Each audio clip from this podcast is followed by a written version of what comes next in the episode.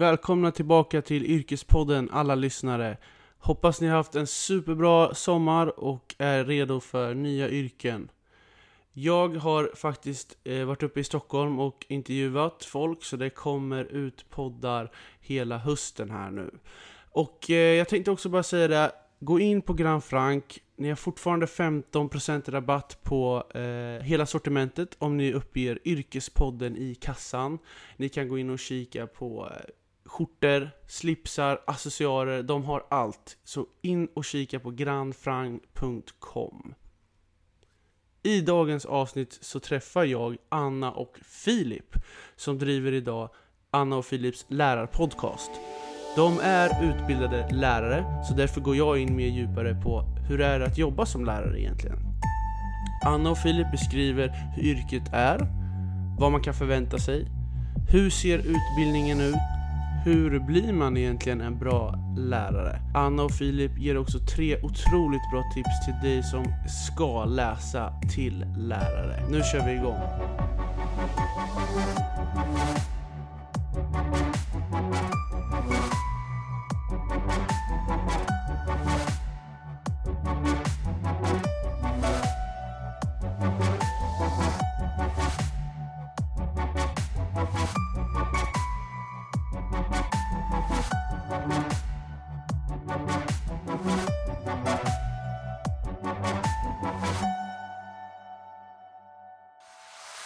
Sådär, välkomna till Yrkespodden Anna och Filip. Tack så mycket. Tack så jätte, jättemycket. Hur är läget? Ja, men vi är eh, ruggigt taggade. Ja, jag vet, jag tyckte att den här morgonen var en extra härlig morgon. Helt enkelt. Och jag tycker att eh, din idé med den här podden är briljant. För att det var inte bättre än att få möjligheten att snacka om sitt yrke och förhoppningsvis kunna inspirera fler till att vilja bli exempelvis lärare i framtiden. Superbra. Eh, hur har eran sommar varit? Ja men eh, underbar. Vi har varit i Almedalen tillsammans. Jag har gift mig. Jag tänkte säga att du har gift dig. Jag har varit på bröllop. Ja, Annas familj hjälpte till otroligt mycket så att, eh, återigen stort tack för det. Tack igen. Ja. Det kändes härligt. Mm. Ni kan, ja, ni kan väl berätta lite vilka ni är? Och då tänkte jag att eh, bara, vem är Anna? Jag är en eh, kvinna på sådär eh, 41 som har en lärarbakgrund. Eh, och sådär 16 år tror jag det blir snart. Svenska SO framför allt. Och jag kan väl säga att jag är inte bara yrket lärare, jag är nog lärare liksom i själ och hjärta. Jämt. Jag kommer nog alltid vara det. Oavsett om jag byter jobb så kommer jag nog alltid vara lärare, tror jag. Eh, har en, eh, också en stort driv inom entreprenörskap. Har jobbat med det i grundskolan många år och även på Ung Företagsamhet på deras nationella kansli riktat mot grundskolan. Så det är liksom en sån här extra grej som har stor betydelse för mig i eh, min undervisning faktiskt. Ja, mamma med två barn, hej och sådär. Men eh, ja, jag tänker yrkesmässigt så är det så. Filip då? Jag är eh, 32 år och har arbetat som lärare i sju år. Och eh, under de här sju åren så har jag även eh, haft en avstickare till Raoul Wallenberg Academy där jag eh, under ett och ett halvt år eh, projektlett eh, Sveriges största skolprogram om mänskliga rättigheter.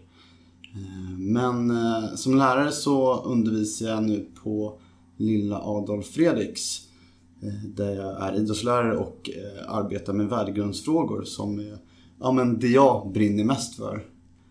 Jag har en bakgrund som eh, golfspelare och golftränare också så att eh, idrotten ligger mig väldigt varmt om hjärtat. Men efter att vi drog igång vår podd här för eh, över tre år sedan så har jag snart... nya intressen? Ja exakt, jag har verkligen blivit så. Jag läser jättemycket.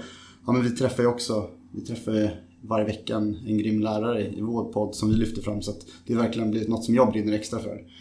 Så att, ja, har en son på sju månader och gifta sen i somras. Så det är kort och gott vem jag är. Häftigt. Eh, ni två driver ju en podd idag och vi ska gå in på det här, eh, lite senare. Men först tänkte jag att skulle, vi skulle backa bandet lite. Eh, och då tänkte jag att ni skulle få veta, vad, vad har ni gått i gymnasiet? Vad, vad gick ni för något? Jag eh, är en estet får man väl också säga då. För jag eh, hade ju en väldigt klar bild om att jag skulle Alltså konstnär vet jag inte riktigt om jag kanske tänkte att jag skulle bli, men jag eh, älskar det, det kreativa. Så att jag gick eh, estetiska programmet på gymnasiet. Här i Stockholm, eller? Här i Stockholm, i Huddinge. Okej. Precis. Jag är en sån här människa som inte har flyttat på mig en centimeter. Jag är född i Huddinge, jag har gått på förskolan i Huddinge, jag har gått i skolan, jag har gått grundskola, gymnasiet, universitetet, gift mig, bosatt, kommer säkert att dö där. Så att allt jag har gjort har jag typ gjort där. Ja, så där, där hamnar jag på, på gymnasiet. Mm. Vad gick du Filip? Ja, det, nu är det inte du som är intervjuad. Nej jag vet, jag känner det, men det ligger så himla nära. Ja, men jag tar vid där då. Jag eh, gick ett idrottsgymnasium där jag hade möjligheten att eh, utanför skolan eh, träna golf då, med golftränare. Och förutom det så läste jag en hel del ledarskapskurser där så att det formade väl mig till att jag senare ville bli idrottslärare. Men var det här i Stockholm du gick? Ja, det var det. Precis. Superbra. Men vad hände efter gymnasiet för er två då? När ni, när ni var klara, vad, vad jobbade ni med? Vad, vad hände?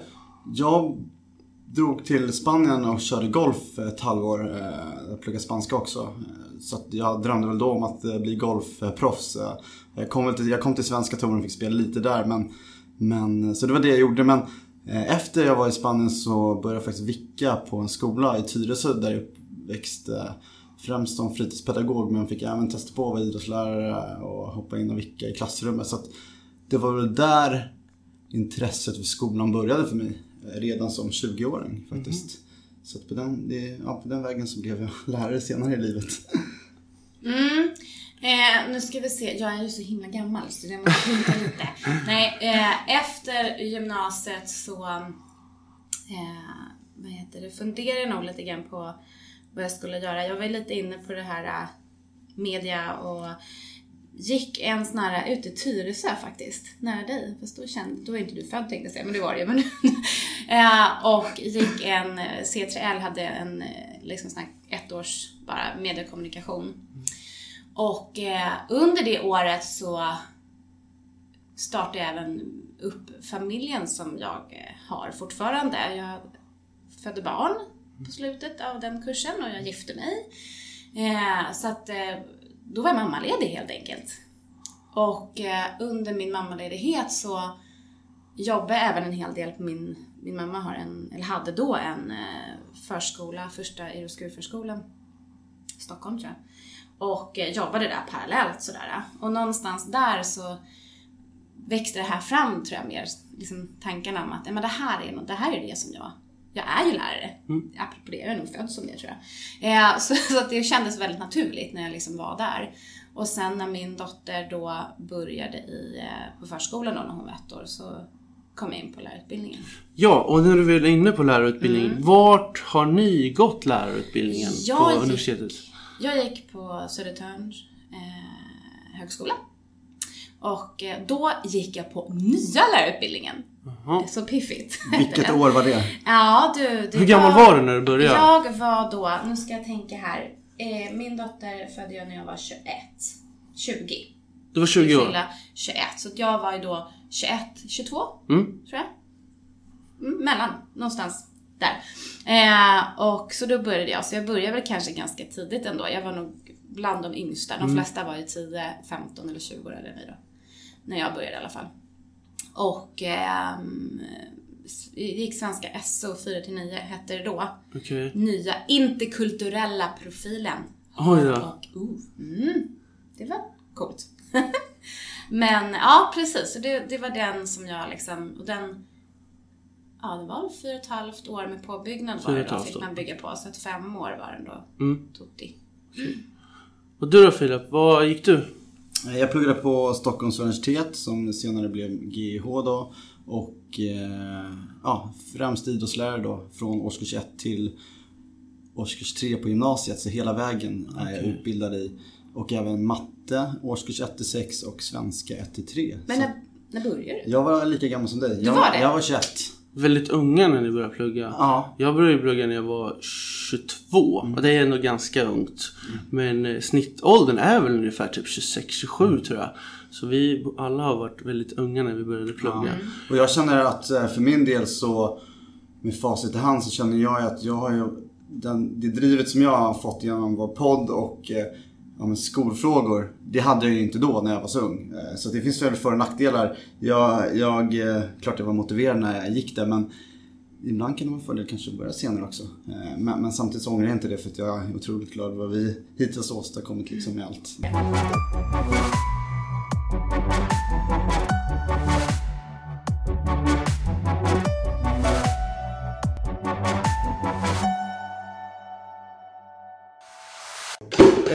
Tänker jag så här att du kan prata för någon som lyssnar och vill bli lärare. Eh, om du kan beskriva lite hur utbildningen ser ut eh, ungefär år 1, år 2, år 3, år 4, år 5. Så de är lite beredda på vad, vad kommer hända. Mm. Eh, jag skulle nog säga att eh, lärarutbildningarna är väldigt olika beroende på dels vilket universitet du läser, Eh, vilken, ut, eller vilken liksom val du gör i den och eh, när du har läst den här. För att när jag började så eh, hade jag förmånen att komma ut på praktik på en gång. Vi var ute en dag i veckan under ett helt år. Eh, och jag har tagit emot väldigt många BFU-kandidater och jag har aldrig hört någon som har haft liknande upplägg. För mig tycker jag att det var väldigt bra, vilket gjorde att man fick komma ut väldigt fort. Man fick bli en del av verksamheten, vilket både kunde göra så att jag kände att det här var någonting för mig och eh, de som inte på något sätt tyckte det här var bra kunde på något sätt då göra ett omval ganska fort. Däremot så vet jag att många universitet redan, eh, eller många lärarutbildningar sätter in praktik eh, eller BFU ganska tidigt. Dels för just för den anledningen, sen kan det vara under olika perioder. Så VFU är ju en stor del av utbildningen i alla, i alla lärarutbildningar såklart. Fast det kan se ut på olika sätt. Sen är det naturligtvis beroende på vad du väljer för någonting. Pedagogiken är naturligtvis det som kommer in ganska tidigt på de flesta ställen. Och eh, fortlöper under de här åren, naturligtvis i olika Har du koll på alla ämnen man kan välja? Jag har koll på många ämnen du kan välja. Det beror lite på, som jag sa, om du till exempel väljer eh, grundskolans eh, första del, till exempel år 1 till 3. eh, Så när jag gick till exempel så hade vi bara svenska SO 4 till 9 till exempel, eller NO till exempel. Idag har de gjort om den på många lärosäten där du läser antingen lågstadiet 1 till 3 eller 4 till 6 eller och där i, i den så får man grunderna, till exempel svenska och matte och engelska. Jag är lite kritisk till det faktiskt. Ja. Jag tänker att det, eftersom vi har en lärarbrist, Mm. skulle det vara betydligt bättre om lärarna som utbildade sig, utbildade sig exempelvis 1-9 direkt i svenska. Mm, ja, men jag förstår. Jag, menar, jag tror att de håller på att göra, och som jag säger, de håller på att göra om i många. Och många som kommer ut nu till exempel får ju välja inriktning antingen SO eller NO. Och det behöver du inte välja på en gång. Utan jag har jättemånga, haft jättemånga VFU-kandidater som är ute nu för sitt första år och då behöver du inte välja en. Utan du får vara ute ett år. Och det tror jag är en fördel. För när vi gick så fick, var du tvungen att välja på en gång. Eh, och nu så har du en större valfrihet och kanske gå ett tag. För det kan ju ändras när du har varit ute på din VFU och känner av. Så du får läsa lite grann och ja, du kanske får ha några kurser och sen så känna av att nej men det här är det som jag, jag vill välja sen. Så det ingår mycket praktik i den här utbildningen så att säga? Det är mycket praktik, eh, eller VFU. Eh, jag personligen, ibland kan jag tycka att det ibland skulle vara ännu mer, för det, det är där du möter liksom, verkligheten, är för dum att säga. Men du förstår vad jag menar.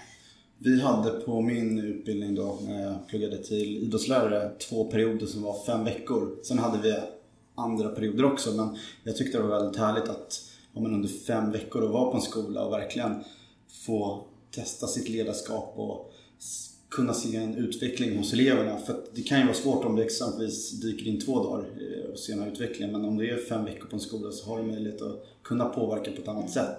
Och det tror jag gör att många blir ännu mer taggade på läraryrket. Mm. Och i början så är det ju så att då är du med. Eh, nu för tiden så, i alla fall de jag har tagit emot som har, när jag har varit handledare, så eh, kanske du är ute då eh, under, säg tre, fyra, fem veckor i början. Och under den här tiden så ska ju du i princip vara med i gruppen och kanske hålla, kanske hålla en lektion. Alltså det är verkligen så här, man börjar liksom Börja från scratch? man börjar från scratch, precis. Man ska hålla i någon aktivitet, eh, man ska göra någon planering och sen så för man en eh, vad kan man säga, loggbok på, oftast har man en BFU-portal där man liksom för den här loggboken när man ska göra olika uppgifter, man ska reflektera över lektioner, kanske då som jag som lärare har. Eh, och sen så har man trepartssamtal där det är någon från universitetet och jag då som handledare och lärarkandidaten som då har samtal över och om eh, sin situation. Och samtidigt så gör ju vi en bedömning också och det tycker jag är väldigt bra. Det tror jag utvecklas väldigt mycket. Att eh, den som har också då sin kandidat hos sig har ett ganska stort sägande i det här om det är någon faktiskt som inte passar eller passar. Samtidigt så ska man hjälpa den här personen fram, men det är ett växande ansvar. Men den sista praktiken, där jag också haft kandidater, ska ju sköta undervisningen på ett helt annat sätt. Jag ska bara finnas med som en liksom, skugga. så. Ah. Okay. Mm. Men om man tänker så här att eh, den här utbildningen som är på ungefär fem år, det kan ju se olika ut på alla universitet som ni säger. Men eh, har man redan praktik första året eller kommer det komma i mitten eller är det i slutet? Det är i början och det är otroligt viktigt för att kunna ja, men som Anna var inne på här tidigare, få känna på hur det är att vara lärare. Det är ju hemskt om det skulle vara så att du studerar i två år och sen märker du att nej men det här var inget för mig. Eller fem. Ja, ja då kanske det är lite jobbigt. Ja. Och någonting som jag ändå vill bara passa på att säga här som jag tycker ska in mer i lärarutbildningen, det är verkligen ledarskapet. För att eh, det, vi träffar ju många lärarstudenter och vi känner ju många som är lärare och det de allra flesta vi pratar med tycker att de inte har fått den biten.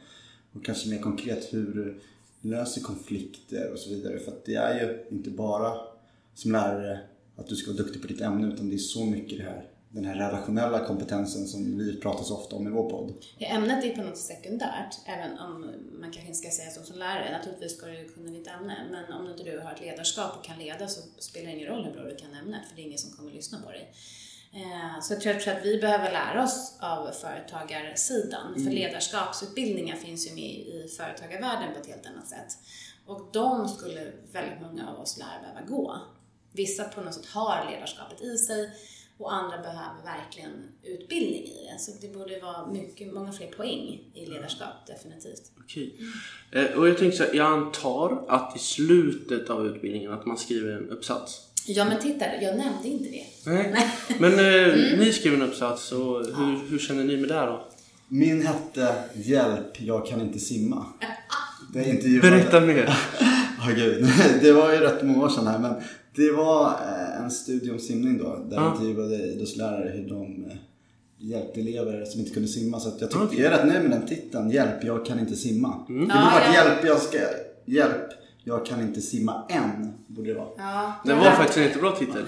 Locka läsaren. Ja, exakt. Så, så att, ja, men, nej, men, eh, så att, eh, ja, men det knyter ihop säcken på något sätt. Mm. Eh, och sen är du klar som lärare. Men, men eh, jag vet inte, hur går dina tankar kring din uppsats som du skrev för 20 år sedan Anna ja. Nej, 15 år. uh, nej, men jag, jag skrev flera, jag ska tala om för dig. Jag skrev, det var en C-uppsats. Eh, och det, men jag skrev både om tvångssterilisering, alltså i historia, för att då var det, fick man ju både skriva det i sitt alltså ämne, och, alltså så som jag hade valt, och även i rent alltså, pedagogiskt. Så det var två stycken. Eh, jag vet inte, jag tror båda var lika stora men hade opponeringar liksom på mm. samma sätt så. Så det var liksom ändå som jag hade i mitt ämne, där jag hade nördat in mig på tvångssteriliseringen i Sverige. Sjukt intressant, by the way. Eh, och sen så var det utifrån det här med motivation och entreprenörskap. Mm. Alltså hur driver du undervisning? Hur kan jag hitta meningsfulla mm. uppgifter till eleverna? Då fanns ju inte det i läroplanen ska vi säga. Det fanns inte som begrepp heller.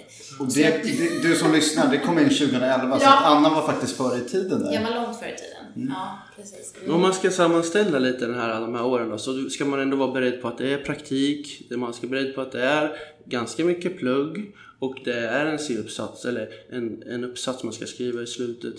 Eh, men jag tänkte kolla mer, eh, hur gick eran studietid? Var, var det liksom upp och ner eller gick det spikrakt? För... Ja. Ja, nej men ja, det gick spikrakt. Nej, alltså jag hade, nej, men alltså jag hade eh, barn hemma.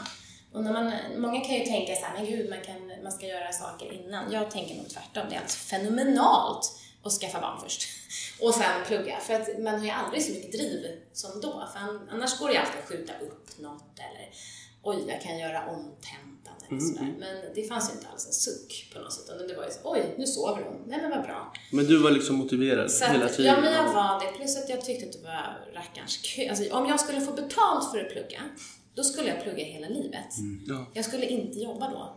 Tur, vi har bara CSN men... Ja men jag vet, nej men precis. Jag skulle verkligen vilja ha lön för att plugga för det är ju ja. Så oerhört roligt Och att plugga. nu när vi har en lärarbrist eh, så pratar flera av partierna om att eh, det ska bli möjligt för en eh, lärarstudent att få utbildningen betald. Eller till och med att du kan jobba en del och sen få utbildningen betald. Så det snackas om det. Så just Det för- finns ju några som har fått det i vissa kommuner. Ja. Och det här gäller ju framförallt då, nu ska jag säga äldre människor som eh, dels kanske har familj och eh, fler barn och, och boende och inte kan ta med CSN så är det ganska svårt att studera i fyra år. Eh, framförallt. Men vi behöver ju det, det är så akut, akut, akut. Så att det är verkligen min man pluggar nu till exempel eh, på yrkeslärarutbildningen. Och eh, det, det är inte lätt att ha familj och göra det. Så att det skulle verkligen behövas för att få in fler som kunde göra det här. Ja.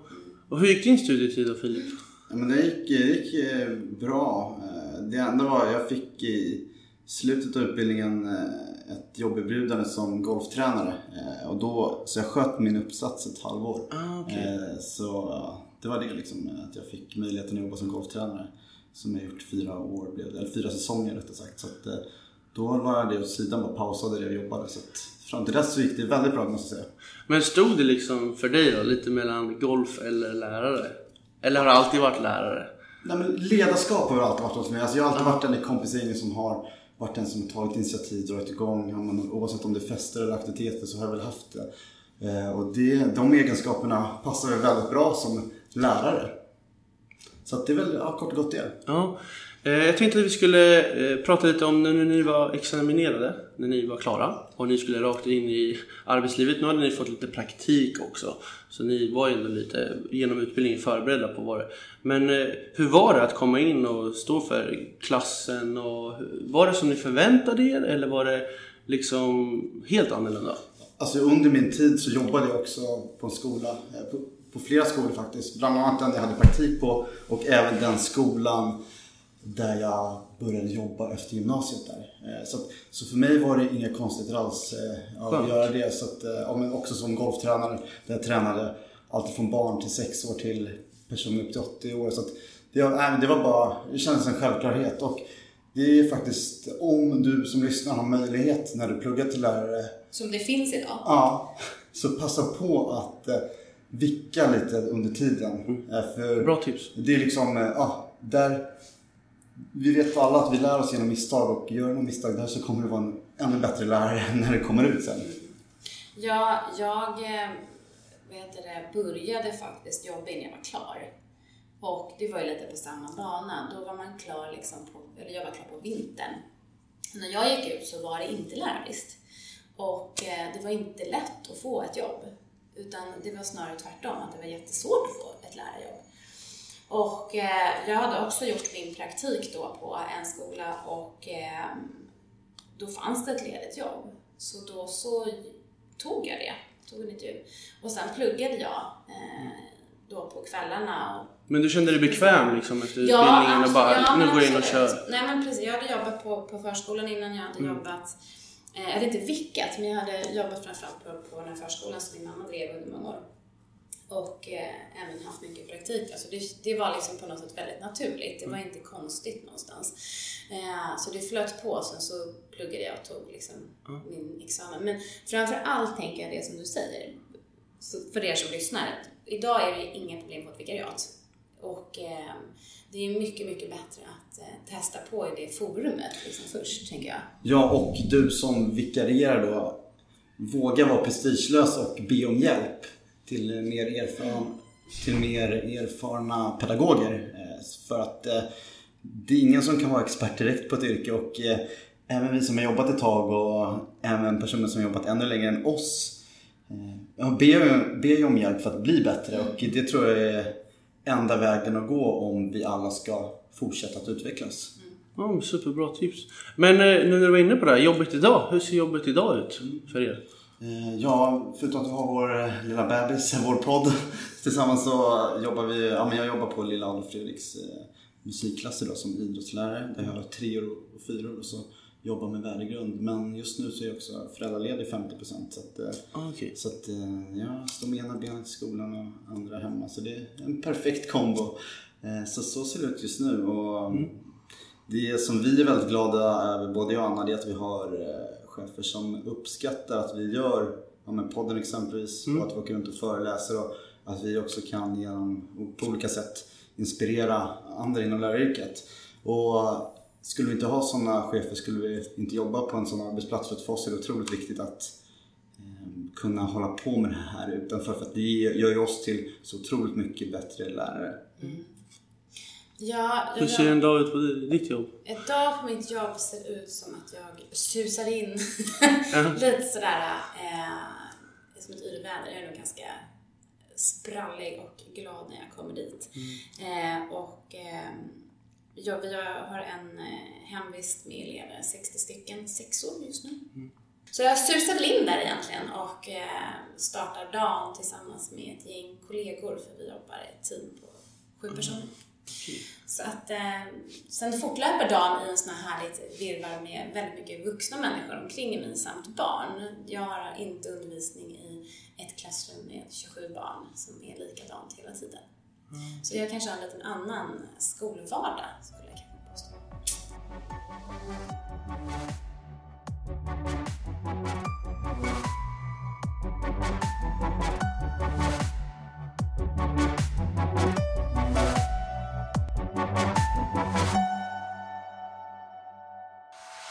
Hallå där! Bor du också i en hyresrätt som jag gör och känner att du kanske vill fräscha upp ditt kök eller ditt badrum? Ja, då vill jag att du kikar in på edkor.se för där hittar du det bästa utbudet för kakel i ditt badrum. Så kika in på deras hemsida och kolla deras häftiga kakeldekor. Jag är själv supernöjd kund av Edekor. Kika in deras hemsida så kan ni också få lika fräscht kök eller badrum som jag har fått. Tack Edekor! Ja, och då tänkte jag gå in på lite, ni har ju startat en egen podcast. Vad, vad är, ni har pratat lite om det, men vad, hur kom den till? Det var en gång. Det var en gång för eh, snart tre och ett halvt år sedan då jag och Anna arbetade i samma arbetslag. Och eh, jag själv under den tiden lyssnade på många poddar. Eller det gör jag även idag men, men eh, då var det väl ännu mer. Eh, att jag lyssnat på en massa poddar och så kom jag på att tänka att fan, ska jag inte starta en lärarpodd där eh, ja, men vi på vår skola kanske lyfter fram några goda exempel. Så tänkte jag, vad ska jag göra här med? Jo, men det är klart jag ska kolla med Anna om hon är sugen på det här. Eh, för att ja, Anna är en otroligt skicklig lärare och ja, helt enkelt så här. Vem är den bästa jag kan göra det här med? Ja, så det var inget snack om att det var Anna.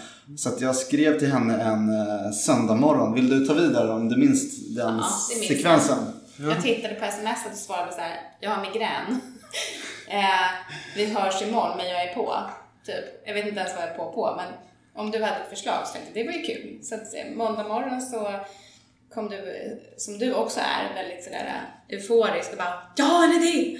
eh, Och sen så heter lyssnade jag på din idé och då så tog väl jag vid och sa att ja men då är tanken att då behöver vi liksom ha en bra ingång och ingången måste vara att vi bara ser det som eh, fungerar. Eh, att vi har en positiv eller en, eh, liksom, en utgångspunkt som är att vi ska lyfta fram saker som fungerar i Skolsverige.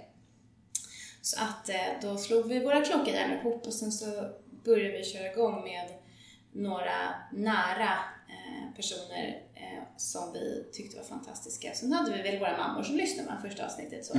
Ja. Vi tänkte väl kanske inte att det skulle... Mamma är alltid bästa supporten. Ja. Är det samma för dig? Ja. Ja. Vi tänkte väl inte att det kanske skulle gå så här långt och så här länge då. Hur många poddavsnitt har ni gjort egentligen?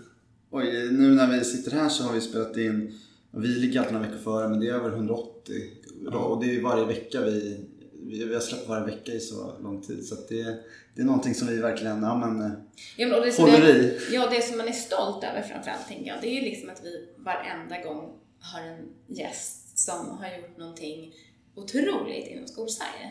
Och många gånger får vara med, vi sa det, vi kan ju komma och vara extremt trötta, vi kan ha jobbat jättemycket och sen så ska vi träffa den här personen och innan så kan Filip och jag se ut som liksom hundra svåra år liksom. Man är helt så här. Sen så sätter man sig i den här tillsammans med den här människan och när man är klar då på något sätt har man fått så otroligt så här endorfinkick. Man är alldeles liksom lugn och glad och sprallig och så har man liksom fått vara med på en resa tillsammans och fått lyfta fram en annan människa. Och den, de typer av endorfiner när man faktiskt får lyfta fram andra människor, det är speciellt. Så det är jag otroligt stolt över. Ja, det, jag kan bara instämma. Och just det här med att flera eh, av de lärare som vi intervjuat eh, har fått erbjudanden att skriva böcker, föreläsa. Att, att vi på något sätt har gett en skjuts i deras karriär. Alltså när vi får den responsen från de lärarna, det är bland det finaste vi kan få. Och även alla de här hundratals mejlen som vi får. Jag har fått det tusen, nästan, ja det är mer kanske. Eh, från lärare runt om i landet som har eh, lyssnat på vår podd och fått sån inspiration av våra lärare som vi intervjuat. Det är liksom, ja, det slår ju allt. Så det är, förutom att vi tycker det är så otroligt kul och vi lär oss otroligt mycket. Vi har ett nätverk inom Skolsverige som ingen annan sitter på. Eh, så är det ju fantastiskt att kunna ge lärare och lärarstudenter den här eh, gratis fortbildningen. Eh, faktiskt. Så det är faktiskt någonting som vi är otroligt stolta över. Och det visste du inte från början? Nej, nej, nej, nej verkligen inte. Nej, nej, alltså det här, vi, vi visste inte vad det skulle bli, att det skulle bli att det är tusentals som lyssnar varje vecka och att Ja, men vi har också kört nu när det var val här, valspecial och utvecklingssamtal med Anna och Filip där vi intervjuat sex av de åtta partiledarna. Att vi vet att vår utbildningsminister lyssnar på oss och tar till sig av våra gästers kompetenser. Så att, att vi vi med. ville påverka. Det ja. att när vi satt från början och bara, vad ska vi ha? Vi träffade en coach, eh, fantastiska Johan. Ja, Johan. Eh, ganska i begynnelsen kan vi säga, efter ett halvår kanske. Eh, och han började trötta ner så vad är det ni vill? vad är det, varför? Ja, va, vad menar du? Sådär. Eh, ja, men vad är det varför? Varför gör ni det här? Och sen började han liksom så, här, så vi var tvungna liksom, ja, vad ska vi säga, specificera vad det egentligen var vi ute efter. Och det gjorde också att man på något sätt, från det här att man liksom var ute och hade en tanke och sådär, till att på något sätt att det liksom blev någonting mer på riktigt. Så här, bygga upp hemsida och vara väldigt tydlig med att eh, är ni politiskt oberoende? Va? Vad är det? Alltså, han ställde sådana frågor som var jättejobbiga. Där vi var tvungna att tänka väldigt mycket på liksom, hur gör vi så att vi inte tar sidospår? Hur gör vi så att vi liksom inte ska komma med liksom för mycket tankar och värderingar i vissa typer av frågor eller sådär. Så att det var, det var en spännande utbildning ja. säga, av honom som lärde oss väldigt mycket tror jag. Mm. Jag håller med lite. Alltså, jag sitter här ju, som sagt och poddar själv och jag, jag känner alltså, energin när ni berättar hur, hur ni poddar och jag har faktiskt nästan exakt samma. Och jag tycker det är superkul att podda och det är väldigt kul att det går att podda. Eh, att folk kan lyssna på eh, andra och de har sina ämnen och sina poddar. Och... Men det är som jag sa till dig innan micken kom på här, det är otroligt kul att varje gång träffa men kollegor, liksom, poddkollegor. Det är så här, vi, träff, vi intervjuar ju mest folk, det är inte, vi blir intervjuade då och då. Det är alltid så kul att eh, men, träffa kollegor kunna byta erfarenheter och hjälpa varandra. Så att, eh, och jag vill återigen säga det, jag tycker det här är en helt fantastisk idé som du har startat. Så att verkligen vi känner ju mycket folk så vi kan verkligen tipsa också om vi vill ha inom olika yrken sen. Eh, personer. För att, ja, superbra idé. Så. Lite pest forward Ja, verkligen. Superbra. Eh, vi tänkte faktiskt gå in lite på vad ni har för framtidsplaner. Eh, vad, vad, är, vad har ni för framtidsplaner? Men, vi poddar som sagt, men vi föreläser också en del. Vi kommer att göra det mer. Vi kommer moderera på vissa stora konferenser här framöver.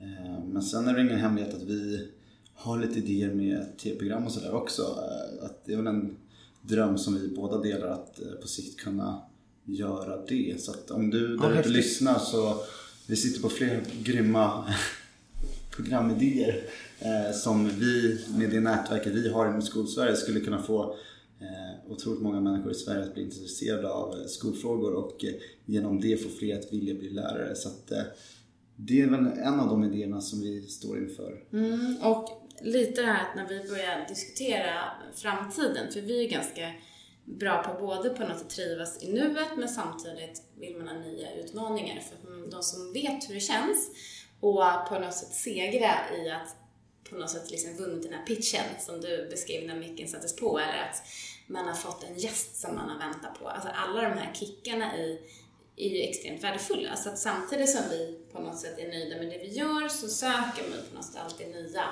eh, utmaningar som, som är liksom, huvudet. vad kan det ta oss vidare? Och dels som sa det här att börja, vi fick en jättehärlig idé från eh, en, eh, min gamla chef faktiskt, eh, Peter Braun där sa men gud vad häftigt, vi ska ha en stor eh, grej här med lärare, lärare, alla rektorer och skulle inte vi kunna skräddarsy podden eller liksom skräddarsy de här podden? Och tänkte men gud, det låter lite spännande. Då vi tänkte men det kan vi också göra, det vill säga att skräddarsy inte bara utan bara till olika typer kanske av företag eller till inom skolan framförallt som vi jobbar i. Så det, det lät ju spännande. Så det är lite häftigt att få dels det här, man måste träffa människor för att få de här idéerna och de här mötena genom att bolla saker med olika personer på olika ställen där det föds fram liksom nya tankar och idéer. Och, och sen den här delen som jag tycker är rolig att, okej, okay, hur kan vi gå vidare med oss då? Och nu har vi tagit det här forumet, kan vi ta det vidare i en annan riktning också? Där vi inte släpper det vi har utan kanske bara tar det liksom ett snäpp till. Så det är, ganska, det är en cool fas. Ja, eh, Frustrerande men cool. Nej, men häftigt. Jättehäftigt. Eh, vi tänkte faktiskt eh, knyta ihop den här säcken nu. Mm. Eh, och eh, jag gör alltid så här på mina, eller till mina gäster så ställer jag en fråga där ni, jag ska, ni ska ge tips. Eh, och då ska ni gemensamt nu komma på tre tips till en som vill bli lärare och ska ja, läsa till att bli lärare. Tips nummer ett. Tips nummer ett tänker jag att du ska älska att eh, få människor att växa. Har du den kompetensen så är du helt rätt person att bli lärare. Men hur ska du göra det? Genom att vara närvarande, lyssna bra på de du arbetar med, alltså de eleverna du har framför dig i klassrummet. Eh, och aldrig ge det, utan alltid finnas där för elevernas bästa. Mm. Superbra första tips. Mm. Ett andra tips? Tips två är att eh, ett starkt rekommenderat och oumbärligt tips.